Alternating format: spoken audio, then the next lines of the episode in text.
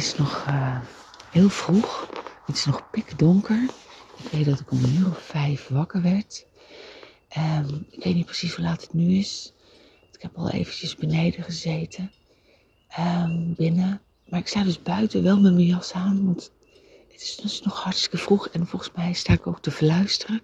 Maar dat voelt wel op de een of andere manier beter als je zo vroeg in je eentje buiten bent in het donker. Maar het is volle maan. En hij is prachtig. Hij staat er aan de hemel met een mooi schijnsel rond zich. En altijd als het volle maan is en een paar dagen daarvoor kan ik, uh, kan ik niet goed slapen.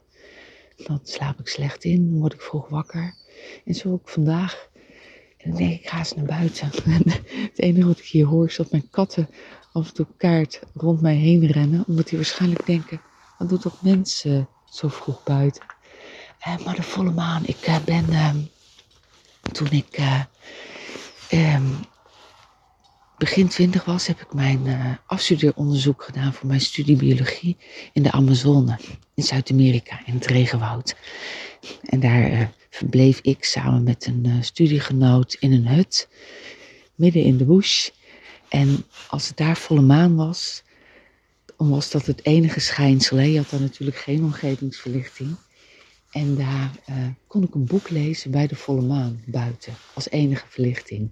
Ja, dat vond ik natuurlijk echt fantastisch. Dat was ook echt magisch. Die maan was machtig, machtig groot en machtig fel van, ja, van licht. Um, dus ja, die volle maan, dat is wel een, uh, ja, dat vind ik altijd wel bijzonder. En ik ben eigenlijk ook wel benieuwd of andere mensen dat ook hebben. Dat ze slechter slapen als het volle maan is. Ik heb wel eens gehoord van mensen om me heen. Mijn kinderen hebben nergens last van, zeggen ze. Uh, ja, heb jij, uh, heb jij, kun jij minder goed slapen als het volle maan is? Of ben je onrustiger?